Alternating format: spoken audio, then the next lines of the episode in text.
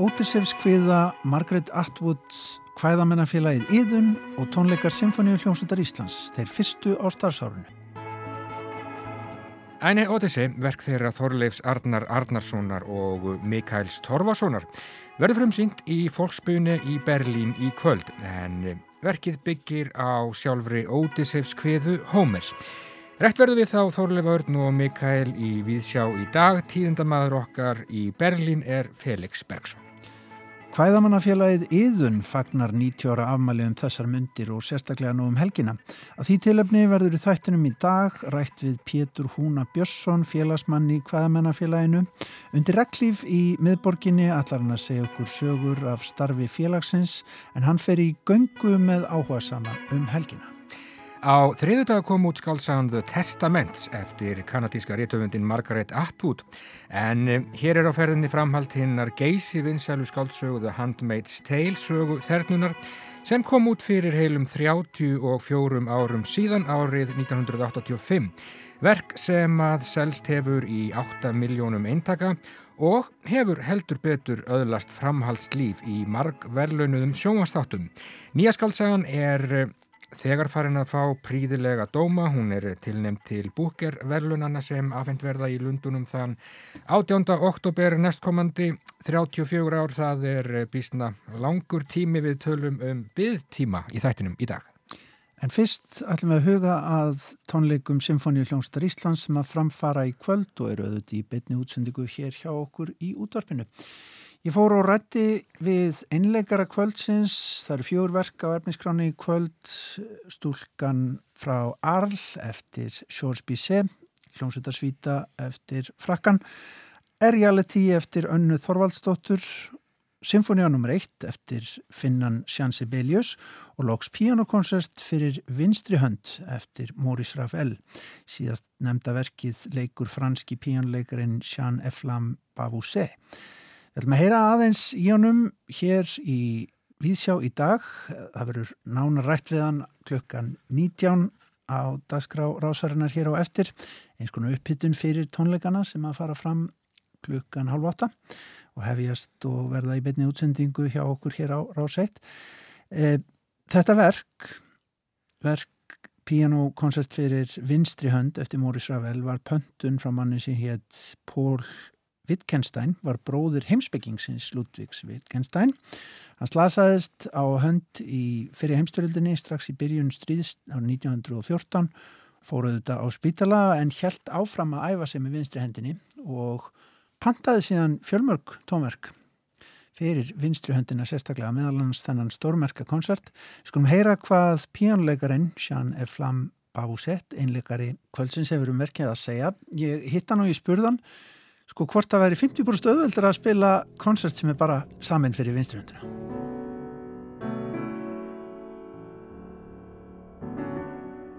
No, no, no. Actually, uh, really not. It's one of the most uh, challenging pieces ever written for for the instrument, and the paradox being that um, Ravel himself was not a terribly good pianist. Uh, far from that, actually, he almost never gave any concert uh, uh, solo.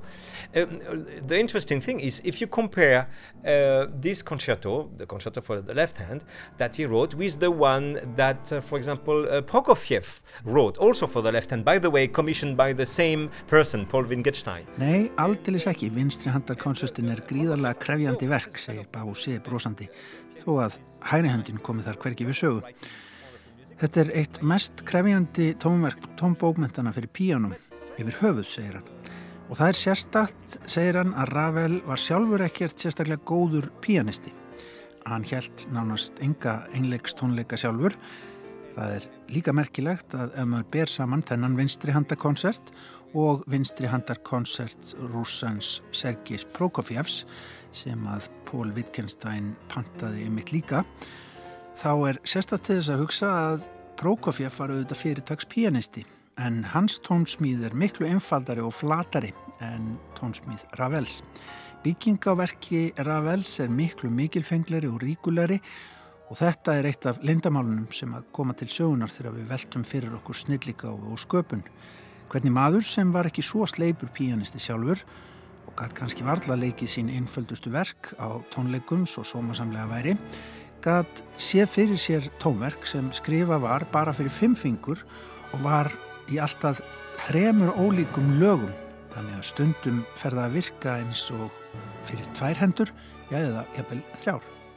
And this is one of the mystery of, of, of, um, of, of, of, the genius creation, um, how a man who, who was hardly able to play his easiest piece could imagine writing only for five fingers and writing um, up to three different layers of, of, of musical event, of musical sound, that the illusion uh, of, of even two hands is surpassed. It's, it's even three hands that should sound, you see?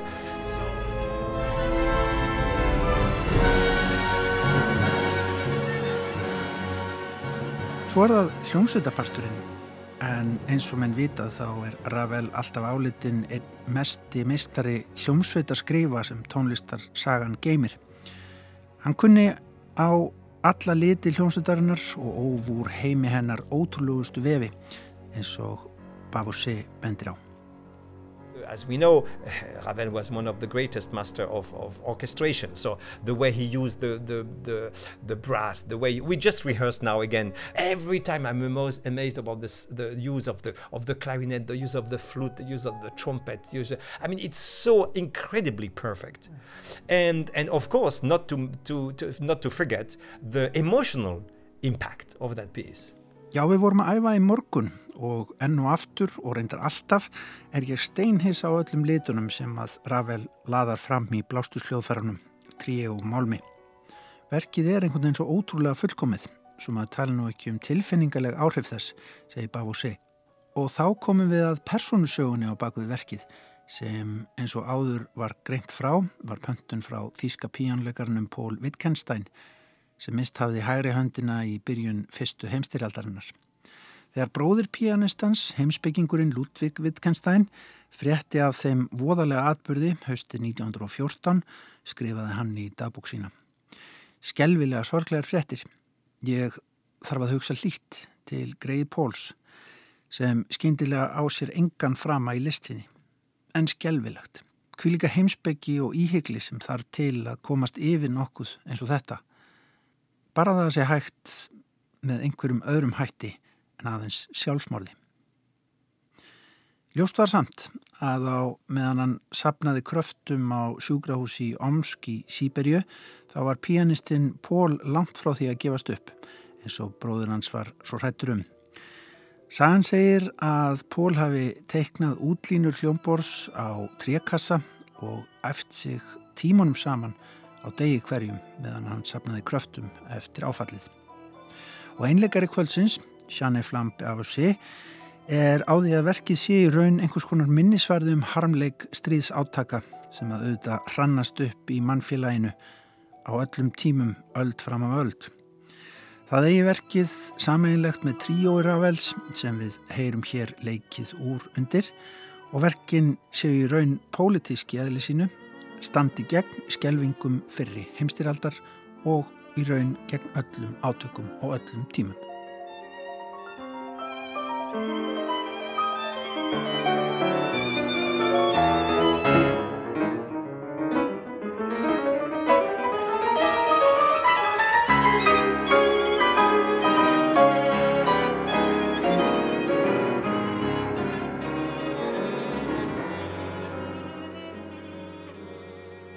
Can be put together with the, the trio that Ravel wrote for violin and, and cello and piano. These two pieces are really almost political statement against the atrocity of the First World War. Mm. And and uh, and you, you you you smell the blood of the of the of the of the tranchée. I don't know the word in in English. The tranchée, you know, where in in Verdun, uh, uh, thousands, tens of thousands of soldiers died really uh, um, um, in in on, on under the ground uh, because they were protecting themselves. You know what I'm speaking yeah, about? Okay. Yes, yeah. and and we can hardly imagine the smell you know the, these guys had to, to, to face and, and, and the fact that they had Það er eins og maður finnir lyktin af blóðinu sem rann í skotgröfum þessa ömulega stríðs, segir Bási til dæmis í Verdun þar sem að tug þúsundir hermana létu lífið jafnvel í einu og sama áhlaupinu. Þessi gengdarlausa og skjelvilega fórn sem þetta fáranlega stríð kallaði á. Þetta er allt að finna í þessu verki. It's it's it's there it's in this space. It's really one of the most incredible pieces i think uh, of of music history. Not only of piano and and then of course not only the, for the left hand uh, but uh, as a whole it's it's one of these masterpieces that stands out in in its uh, for, for its peak like like a high volcano. Já, þetta var Jean Eflam Babusett sem að mun leika einleik með Sinfoníuljónst Íslands á tónleikum í kvöld. Beinútsending hefst klukkan 19.30 upphittun og nánarspjall við þennan skemmtilega einleikara hefst klukkan 19 hjá okkur hér á Rás 1. Hvað gerir Báusið við hægri höndin á sér þegar hann er að spila með þrý vinstri? Það er aðeins mismjöndi, sko, sumir píanleikara setjast einfallega á hægri höndina.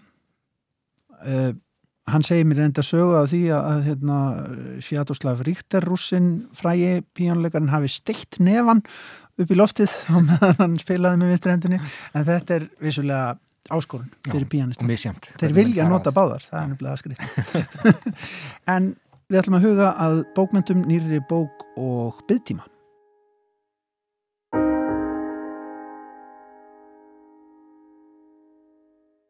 Eins og við sögum frá hér í Víðsjá á þriðjudag þá er búið að byrta henni svo kallaða stuttalista yfir þær bækur sem tilnefndar eru til henn að virtu búker verluna sem verða afhendi í Lundunum þann 14. oktober næstkomandi.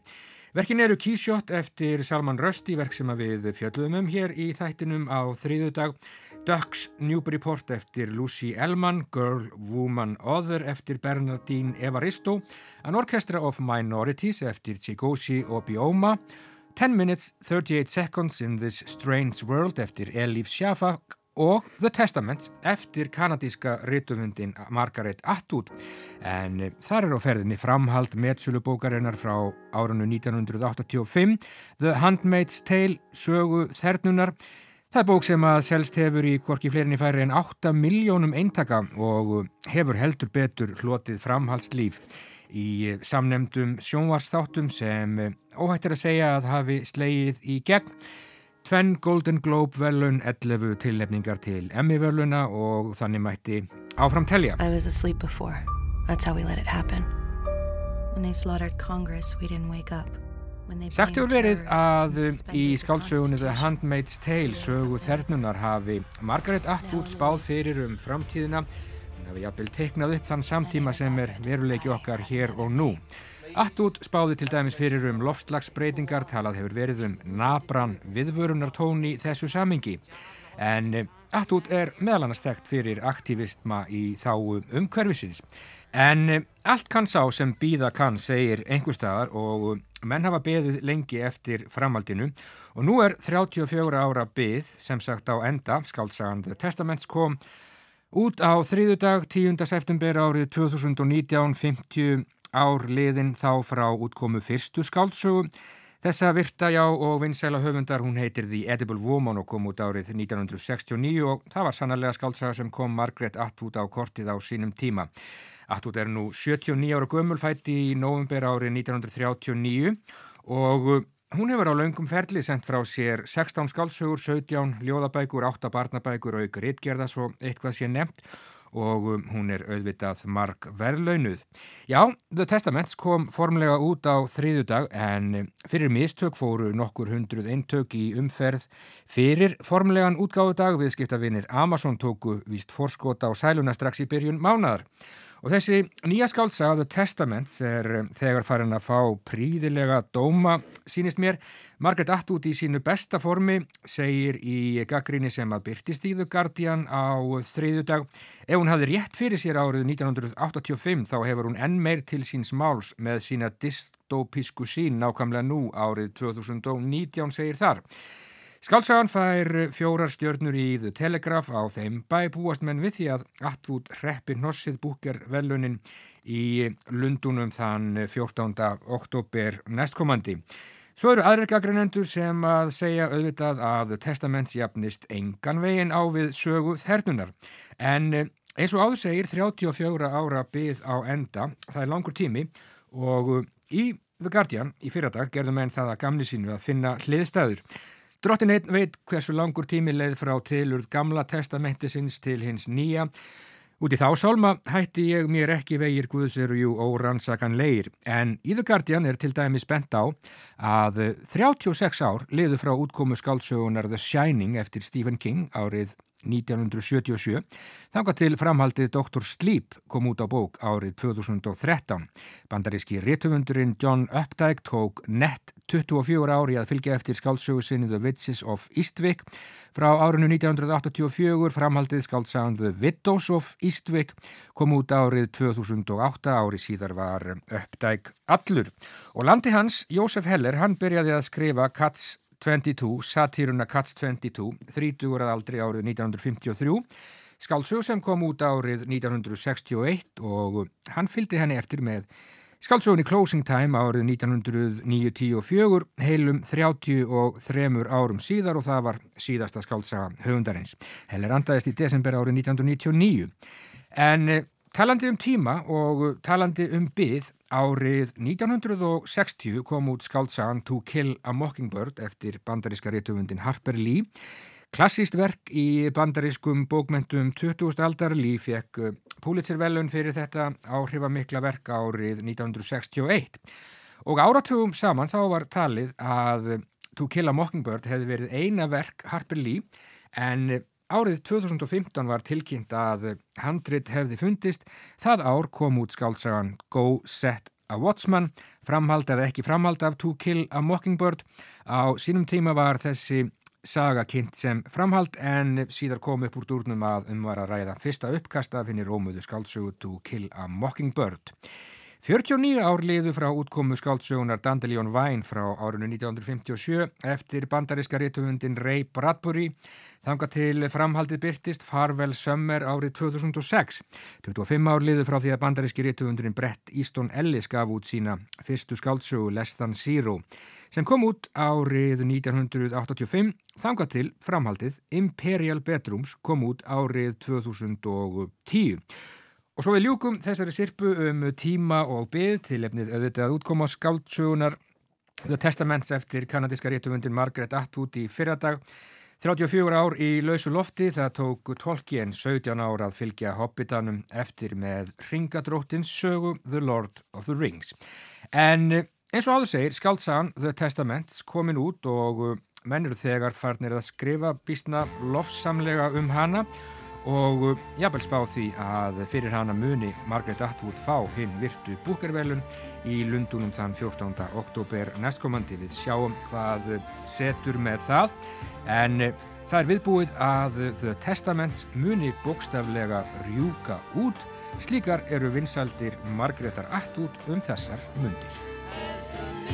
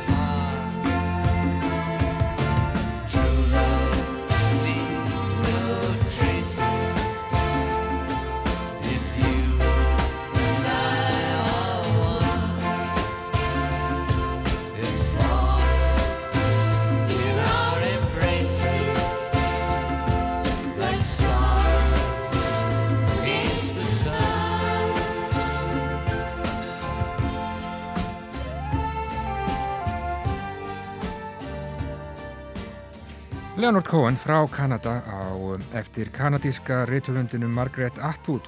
Þetta er laga plutunni Death of a Ladies Man frá orðinu 1977 en þar lögðu þeir saman Cohen og pörupilturinn Phil Spector. Já, skaldsagan The Testaments hún kom út á þriðju dag og er farin að fá príðilega dóma funheitt og kraftmikið framhald af sögu þernunar segir til dæmis í The Daily Telegraph. Þessi bóka á án Eva eftir að verða mjög vinsæl, um, ef að líkum lætur, kannski ekki alveg eins vinsæl og saga þernunar frá árunnu 1985 sem selst hefur í 8 miljónum eintaka, hvorki meira í minna, en uh, maður veit auðvitað aldrei. En þá ágetu hlustendur liggur leið okkar niður í bæ. Við erum búin að taka stöðum í miðborg Reykjavíkur á regningadegi undir reglíf sem betur fer ég og Pétur Húni Björnsson sem er meðlimur í kvæðamannafélaginu Íðunni og það er merkilega félag á afmæli bara núnum helgina og sunnudag 90 ára gamalt. Og ætlar að gera sér glæðan dag og segja frá starfinu. Og Pétur Húni ætlar að leiða fólk í göngu hér um hverfið ekki satt Pétur? Jú, á sunnudag kl. 11 þá ætlum við að leggja á stað frá Hallgrímskirkju og þræð okkur hérna niður í gegnum þetta hverfið sem að einhver tíma án og stundum er, er kallað heðnakverfið. Við stöndum hérna núna á hotni Bragagötu og Urðarstíks. Já. Af hverju erum við hér? Já, hér eh, allt um, allt um kring eru sögustæðir úr söguviðinar. Við stöndum hérna bara steinsnar frá, frá Urðarsti 10 þar sem að kvæðalaga æfingar félagsins fóru fram lengi vel og bara 150 metrum hérna ofar á Bragagötunni Þar eh, hérna, bygguðu grímur og, og magnea sem að letu hvæðalaga æfingar og, og starfið að miklu leiti langt tímabill ja. og það er ólust upp Lárus Grímsson og Bára Grímsdóttir sem er núna formaðið félagsins já, já. og hérna næstu götu frú á Vannannu götu þar kuðu hafa alist upp Stendur nokkur Andersen og Rósa sýstir hans ja. Stendur var lengi formaðið félagsins og er heiðusfélagi og, og Rósa sýstir hans leiðir að miklu leiti hvaðalaæfingar og, og hvaðskap og annað slíkt innan félagsins í dag. Mm -hmm. uh, hérna á Örðastík 7, þar bjó Halldóra B. Björnsson, Halldóra Beintensdóttir Björnsson. Uh, hún var mikill hagariðingur og, og, og skáld og orti mikið og margt sem að, sem að hefur verið kveðið innan hvaðamannafélagsins í gardunum hjá henni í litlu húsi bjóðum mitt bróður hennar, Sveinbjörn Beintensson, mm -hmm. alls er að góði hvaðamaður og alla græur þannig að þetta er bara allt, allt er þetta hérna svona steinsnar hérna frá sko. þannig að það er eðlilegt að, að ganga bræðagutuna og líta til begja hliða meðan gengiða niður við munum síðan enda e, niður á það sem er líklega bílastæða alþingis í dag það sem á Gúttó stóð áður en, en þar var félagi stopnað 15. september 1929 Formlega Já, mm. En fyrir þann tíma þá hafði, hafði verið haldnir undirbúningsfundir meðal annars heima hjá Ingi Björgu Friðriksdóttur hvaðakonu e, á Grettisgötunni. Og hún var svona einn af, af svona helstu forviðismönnum stofnuna félagsins, þau voru, voru hérna fjögur sískininn Friðriksbörn af ættuða Vassnesi mm. þau hveða til dæmis og Silviplötu miðunar sem eru upptökur sem voru gerða 1935 og 6 af mikillir framsýni og, og og dugnaði félagsmanna. Herskeittlannu líti ljós, létt sem ský í vindi, þungóðum sem frumuljós, þétt sem berg í tindi.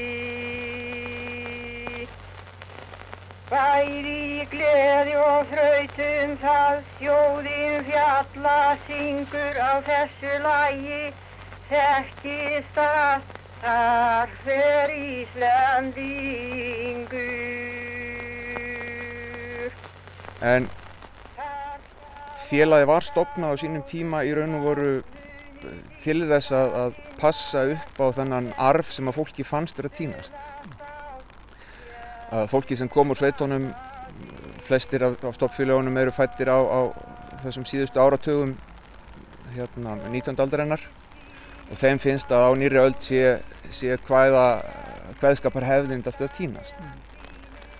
og þau þarna Vassnessun og, og, og fleira fólk tölvört mikið af húnvetningum koma að því að, að stopna þetta félag og, og, koma því á fót. Og svona þetta er á vissan hátt svo þetta er alltaf áttagafélag húnveitninga þarna. En hins vegar var, var hann að, úr, úr flóanum hann, hann Kjartan Ólafsson sem var fyrsti formaði félagsins Já, kom, kom úr annar sveit bara. Já, og, og, hérna, og á upptökunum sem að við gáfum út á 75 ára ámælinu 2004 sem að, í bók sem heitir Silfurblöttur yðunar þar hveða þau sískininn Friðriks börn af, af Vassnesinu og Kjartan Ólafsson og, og Jóhann Garðar Jóhannsson og fleiri uh, og það er mjög áhugavert þegar maður skoðar svona þegar maður kynni sér þetta fólk og það sem finnst um það þetta er ekki fólk sem að Páll Ekkert Ólafsson hefði haft í, í íslenskum æfiskrám Nei, þetta er ekki hérna úr eftirlægin. ekki, ekki alveg en, en hins vegar var þetta afskaplega duglegt fólk á margan hátt og, og svona miklir, mikil félagsmála tröllarn inn á milli. Þurriður Freyrisdóttir, ein af, af þeim sískinum, hún var mikill sósælisti, tók þátti að stopna sósælistaflokkin, hún stopnaði þvottakvennafélag, svona eh, hérna, verkefælisfélagi kringum sína yðin. Uh, Kjartan Ólafsson, fyrsti formaður félagsins, hann var, var steinsmiður og múrari. Hann stopnaði, tók þátti að stopna múrarafélagið og dagsbrún og kannski vegna þeirra tengsla þá æfði félagið og helt félagsfundi hérna í sal múrarafélagsins sem eru á hotni Freyðigutu og, og Njarðagutu og allt er þetta hérna enn á sama blettinum. Þannig að það er svona vinstri slagsíða, það fer saman ja, menningarlega íhaldsemi Já. Og, og vinstri slagsíða. Já, það verðist vera. Þetta er, þetta er greinilega sko, tölvört af sósjálistum, það er mikið af, af hafnaverkamönnum í þessum hópi og, og, og verkafólki og það rýmar auðvitað við eh, það að, að kveðskapurinn var í raun og veru alltaf og er svona alþýðusport. Þetta er ekki, þetta er ekki elitísk músík, heldur er þetta, og, og í raun og veru afskaplega fá, bundin afskaplega fáum reglum, eða er kveðskapur eða er rímnakveðskapur í raun og veru ekki bundin öðru en, en brakfræði rímnana. Það Eiga allir að geta. Já, þetta er, og, og þetta er, þetta er, hérna, það er ekki óeðlilegt að, að, að Einar Örn Benditsson og, og fleiri pönkarar hafi fengið Sveinbjörn Bendinsson með sér í lið hérna í Rokki Reykjavík og, og, og á þeim tíma og fá hann til að kveða vegna þess að það gildir um rímnakveðskap eins og gildir um pönk. Það er ekki málið hvað þú getur heldur hvað þú gerir. Einmitt, já, já. En þessi sko bremsa sem fólk var að setja á að þið verðist með stofnum félagsins og eins og segir vildi svona viðhalda þessu og mun eftir þessu og kannski Mm. rækta um, tókst það á sínum tíma eða hefur það alltaf, það hefur aðeins svona gengið í bylgjum ekki það?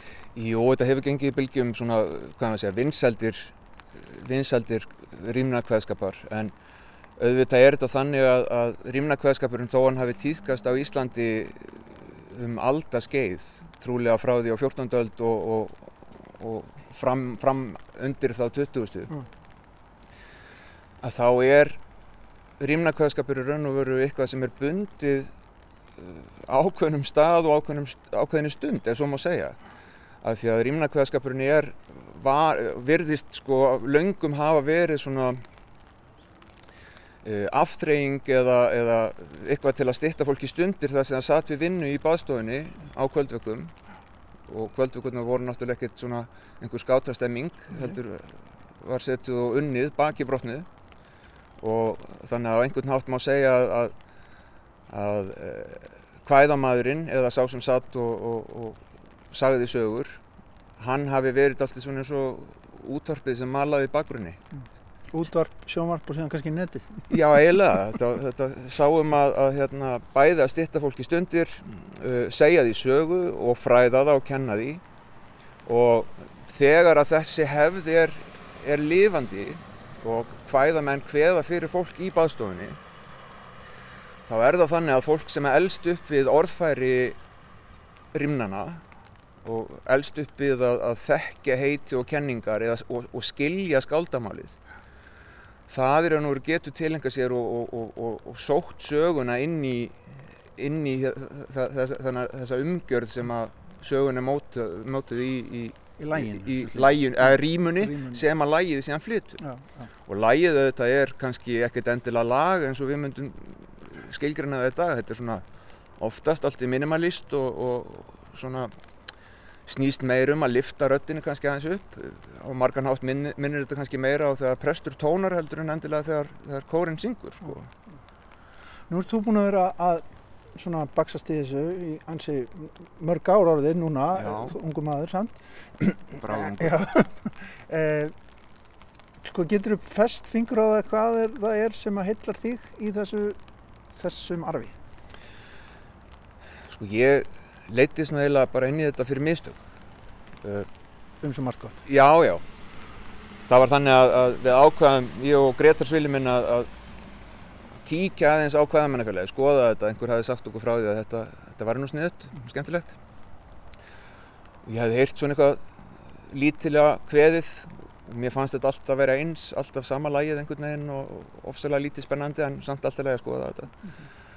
Uh, Stendur Andersen læti mig fá disk með 25 rímnastemmum sem ég fyrir að hlusta á og þetta er svona ekkert sérstaklega spennandi og ég hlusta aftur og þetta allt í hennu fer að Allt. Já, allt í hennu fara svona laglínutnar að, að byrtast innan í snarkinu og, og, og, og allt í hennu fannst mér bara eins og þarna væri einhver galdur. Þetta var bara venjulegt fólk að gera hefðbundna hluti á þeirra tíma og mér fannst þetta bara göld, göldrótt og ég hringdi í Stendur og sagði Stendur, þetta, þetta fyrsta fix það, það virkar og ég þarf að fá meira, ég þarf annan skamt Ég og, og, og ég drakk þetta algjörlega í mig því að mér fannst þetta svo ótrúlega spennandi og, og hérna og í raun og veru var þetta algjörlega úr karakter fyrir mig á þeim tíma en, en algjörlega í karakter fyrir mig núna Ég en svona púlsinn í félaginu núna þegar það stendur á nýræðu. Uh, þið ætlið að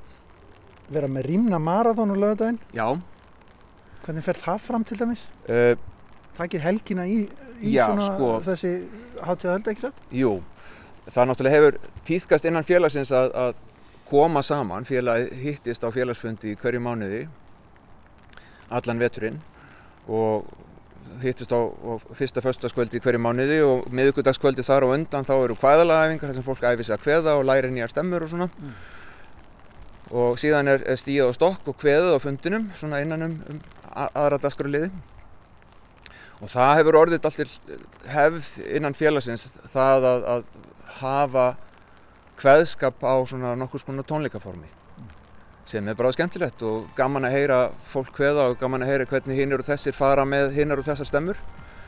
En svona eldri hefðin hún er í raun og veru eins og ég, að, eins og ég talaði um með, með baðstofuna. Þá er ekkert þá er enginn sem stendur upp og kveður. Þá, þá situr kveðamaðurinn kannski við eina, einu ljóstýruna og, til þess að rýna í handritið sitt og, og, og kveður þaðan og, og hann kveður kannski í nokkra klukkutíma Já. samfleitt og það sem við erum að gera á rýmnamarathóninu það er kannski að, að svona snerta eins á þessari gömlu hefð. Ég hef svona lagt dálitla stund á akkurat þetta hveða heila rýmur eða, eða langa bálka og við verðum þrjú, ég og Rósa Þorstensdóttir og Rósa eh, Jónsdóttir, sýstir Stendors forvíðismadur hvaðamennsku í dag. Og svo ég. Við munum hveða við verum á stofunni, allir, með minnur við verðum í 12 tónum líka. Og, og hérna borgarbókasafnu og þar getur fólk bara komið og farið og hvaða maður verður ekki á, á sviði og hann verður ekki með mikrofón heldur verður hann bara er í rýminu. svona. afsíðis, hann verður að, í rýminu með rýmurnar sko. Sko, bara, ég, við sendum góða kveður í félagið en, en svona undir þessar reglíf, Já. áttu eitthvað í barka, barkaðinnum til þess að lega okkur aðeins að heyra? Bara Já, hér, sko- hér í miðbænum, svo við vekjum alla hérna, fólk á að fara löngu koma á fættur auðvitað. Já, hérna á, á Urðasti 10, þar bjó Magnús Pétursson sem var ljómandi fýtt hvaðamaður og hérna rétt ofar í hverjunu þar byggu þær sýstur reyndar á sikkurum staðnum Ólína Andrisdóttir og Herdi sýstirinnar og, og það er hérna á upptökunum á Silvjöplötu miðunar þar kveður Magnús vísur eftir, eftir Herdísi þar sem hann kveður fylli vindur voðirnar væri synd að neyta þá sé indi yfir mar ára hindað beita og þessi stemma var eflaust æfð hérna á Urasti tíu, oft á mörgum. Gott. Takk kærlega fyrir spjallið, Pétur. Takk fyrir mig. En þá hugum við að íslensku leikuslífi, ef við ekki bara segja það, í Berlín. Já, það er frumsýning í Berlín í kvöld í, Folksbunni. Já, og, og framámennir þar eru Þorlefur Arnarsson og Mikael Torvarsson. Þeir eru að bjóða upp á hvorki meirinn að minna en sjálfa Ótisefs kviðu. Mörg þúsund ára gamalt verk auðvitað. Já, klassíst. Og klassíst. Já. Við erum með tíðindamann í Berlín, hann heitir Felix Bergson, var svo sætur að senda okkur smá viðtal við þá félaga. Við skulum heyra hvað þeim fóru á milli. Tónarnir eru innan úr leikusunum. Skiptum yfir til, til Berlínar.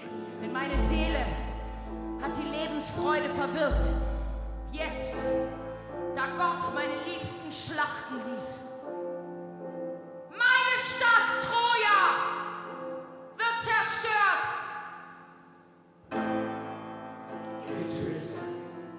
Við sitjum hérna uh, fyrir uh, já, aftanleikusið í góðaveðrinu í Berlín og menn eru búin að læstir inni núna í nokkra vikur og koma þessu saman. En er þetta að vera tilbúið þorlegur?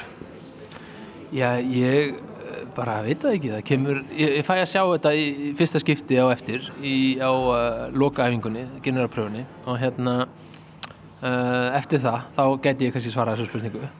En það var heldur betur verið að breyta hlutum í dag, þannig að kannski rínur þetta allt í kvöld og þá varum við bara að sjá þetta með hinnum 800 mannskjörnum á morgun. Þetta er næstu í 3000 ára gömur saga, af hverju, hva, hvaða saga er þetta Mikael? Það er með þessi stóru verk sem að hann ástæði fyrir þetta hefur lifað öll þessi ár.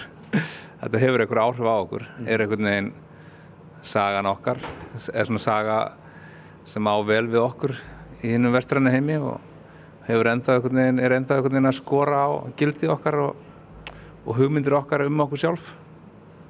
Segðu mér aðeins, söguna. Já, sagan er af heimkomu. Homer skrifar um Ódisef sem er að snúa heim aftur úr stríðinu í Tróju og skrifar einnig um sonans og konan sem að býða heima. Það er sagan hans sem er sagan af hennum traumatíseraða hermanni sem að getur ekki snúið heim og festist í einhverjum ævintýrum og, og kemur svo, kemur svo loksins heim og einhvern veginn hálf ónýtur allur. En svo höfum við tekið svona okkar tak á þessari sögu. Og vorum meira í skrifunum vorum við meira glíma við hvað þetta hefur einmitt með okkur að gera í dag.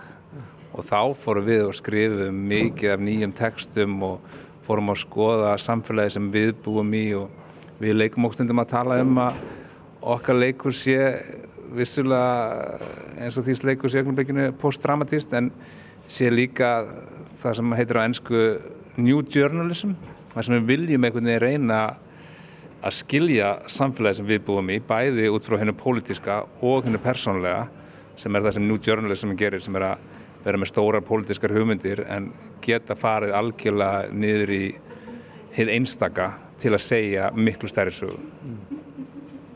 Þannig að þið eruð brjálaðislega pólitískin eins og fólksbyrni hefur gett hann verið, Þorlaugur.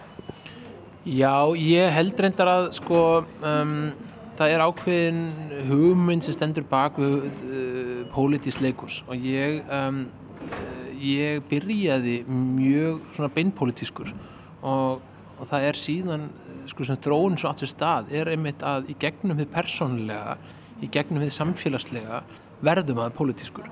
Og, og þessi sko hugmyndum að nota sögu hins persónlega til að endur spekla sögu hins allra stærsta uh, það er uh, bæði þessi hugmyndur úr, úr blamanna heiminum en þetta er líka eina grunnhugmyndum leikursins og í leikursi kemur fólk saman og einna fáum, fáum samverðustöðum sem við eigum eftir sem við komum saman til að hugsa saman að sjá inn í líf annara til að kannski skilja okkar eigið betur og í tímum þar sem að bæði gegnum einstaklisíkjuna, í gegnum uh, uh, hagvæðingu uh, samfélagsins í heilsinni og gegnum í rauninni svona, hvað myndum að segja, gegnum einstak, hvað heitir þetta? Ég, ég, ég, er bara með þísku árið því ég er svona, svona farin að þýða úr þísku yfir á íslensku. Það er, það er svo mikið, er svo, við erum á svo miklu við erum á svo miklu meira innmann á við erum á svo miklu meira subjektíf að við skoðum veröldina ekki út frá einhvers konar miðlægum sögum heldur út frá subjektífum sögum. Og það sem það gerir er það að hinn stóra narratífa týnist. Og, og, og síðan eins og núna þar sem við komum með sko fleiri og fleiri pólitísku öll sem er að reyna að selja okkur hugmynda veruleikanum sem tekur ekki inn þennan ótta tekur ekki inn, eða sko byggjar sem ótta en tekur hann ekki inn, er ekki að vinna með hann heldur lofar einhvers konar einfaldri ímynd af fortíðinni til að speikla sinni í framtíðina, það er verið að og, og, og upplifun okkar þess að vera að ljúa þess að vera að ljúa að okkur að þetta sé hægt. Og það sé miklu frekar að við getum ekki snúið tilbaka við þurfum að, að kljást við að geta lesið heiminn eins og margbrotin, flókin og brotakendan eins og hann er og sjá að það getur líka verið fallegur heimur. En við þurfum hins vegar að saminast um ákveðnar hugmyndir svo sem heimur lifa af. Og einhvers þar þarna milli erum við að reyna að, að dansa með því að vera með þessa í rauninni eina grundvallar mítum vestinda menningar um, sem er svo menning sem er að valda mest um skada í heiminum í dag og, og, og spörja þar leiti spurninga og, og augra þeim gildum sem við stundum teljum sér heilög en eru kannski í rauninni blekking og kannski ekki síst hugmyndunum hérna miðlægu hetju. Og ég upplifa gríkir að Homer þetta sko, þetta er, hann er gríðalega krítiskur þetta er fullkomlega traumatiseraðar maður en hann er líka hugmyndum traumatiseraða hetju. Og, og af hverju er hetjan traumatiseraða því það sem hann þarf að standa undir er einhver samræð með það sem hann þarf að lífa í gegnum.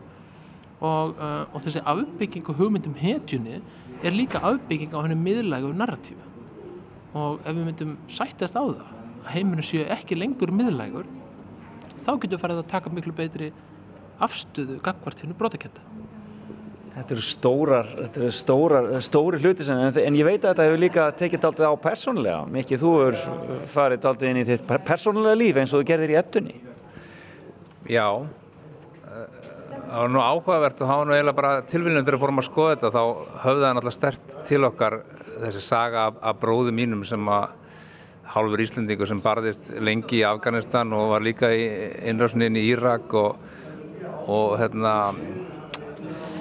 ég held ég sé ekki þetta íkja þegar ég myndi segja að hann var mjög traumatæsaraður eftir uh, að hafa verið í fremstu výlinu í mörg mörg ár og lendi mörgum bardugum og, og hans heimkoma því að það sem gerist fyrir Ódissei verið að hann kemst ekki heim eftir stríðið.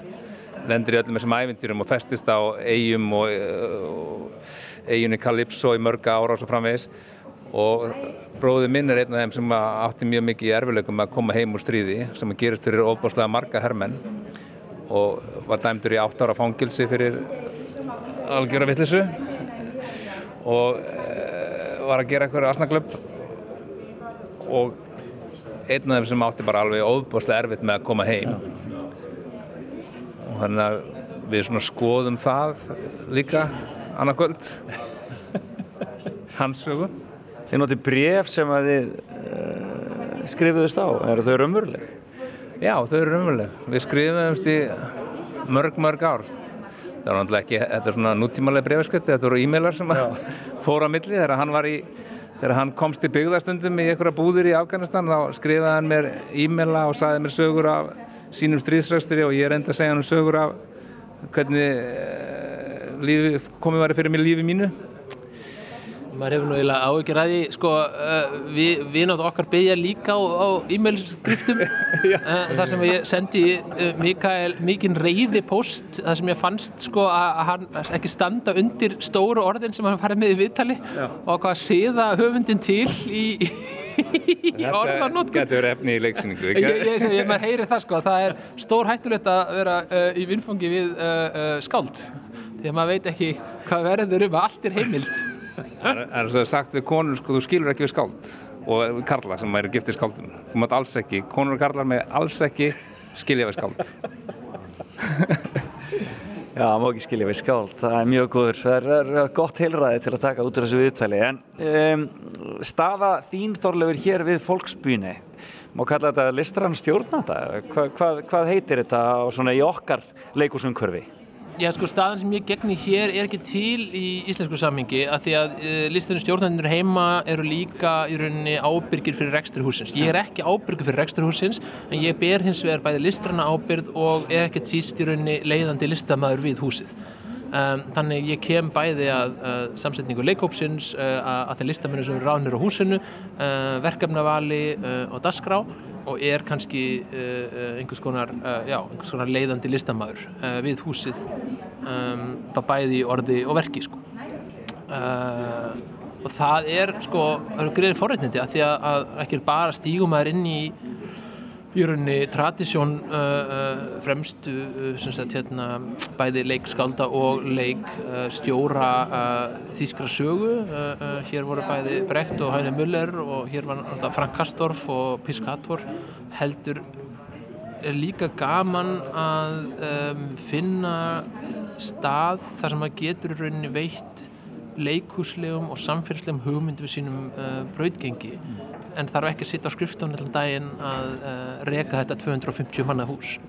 Heldur ég, ég er sá sem er miklu frekar niður á gólfinu með fólkinu að tala og sjá og skilja hvernig við getum búið sem bestum listamennin okkar uh, og hvernig hér ríki andi sköpunar og framþróunar og hugreikis uh, uh, og þarf ekki eftir að ég get þetta ekki sem bara slægin um peningan upp á skrifstofu Þetta var austuþýst leikhús en nú eru komið svo að menn eru farin að setja textan við leiksýningarnar upp á skjá og ennsku. Er þetta orðið annað leikhús en það var hér á sínum tíma? Það er náttúrulega 30 ár síðan að múrin fjall og um, auðvitað var, var ákveð nostalgíja yfir því að viðhalda uh, þessu húsi og hugmyndunum og náttúrulega Frank Kastorf og fólk sem var með honum hérna uh, vann gríðarlega ötulega að því og ekkert endilega halda upp í hugmyndum uh, uh, uh, alþjóðu lífveldisins heldur miklu frekar uh, hugmyndafræðilega mótstöðu við neoliberal kapitalisma. Eins og hann sagði uh, þótt að enginn okkar hefði viljað kommunismann það bað eldur enginn okkar um neoliberal kapitalisma en með brottkvarfi Frank Kastorfs uh, þá, uh, þá væri algjör í rauninni svik fyrir nema myndi þá bara hreinlega ákveða þetta hús en þá, þá yrði það að, að sapni, þá yrði það að, að stopnun utan þessar hugmyndir því að þessar hugmyndir lík, sko, líkomnuðust eða, eða urðu, urðu til í, í formi þeirra, sko, persónuleika sem lifðu í gegnum þetta og ef maður ætlar að fá hér nýja kynslu á listamennum sem er líka mjög laung tradisjón húsi fyrir þá verður að sækja einhvern úr yngrum kynslu og það sem við erum líka að gera hér er, er Lucia Bíler sem er rétt um 30 sem verður er hér fastur, fast leikstýra við húsið það sem við erum að, uh, og líklega svona harðasti feministi þýska leikur sem þessum myndir. Þannig að við erum að, við erum að reyna að, að sko vera sann, sann þessari þessari sögu þess að húns að vera að reyna að vera alltaf við fremstu röð hugmyndafræðilega en ekki reyna að svindla okkur inn í hugmyndafræði sem er, er ekki lengur uh, uh, líkamnuð í persónuleika okkar eða sögu. Frábært, ég held að við séum bara dæmdir, bara ósköku góð skengis í kvöld. Takk fyrir, Takk fyrir það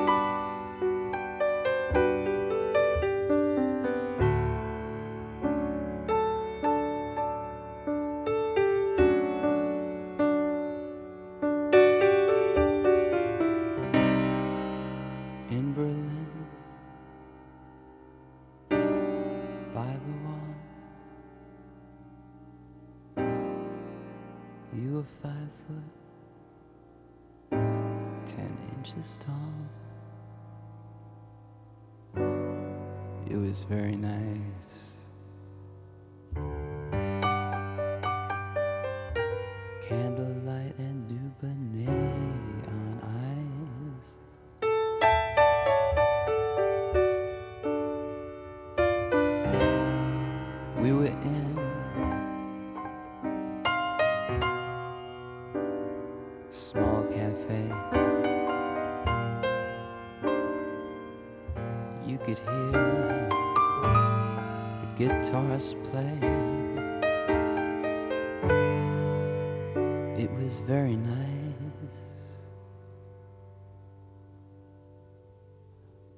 Honey, it was paradise.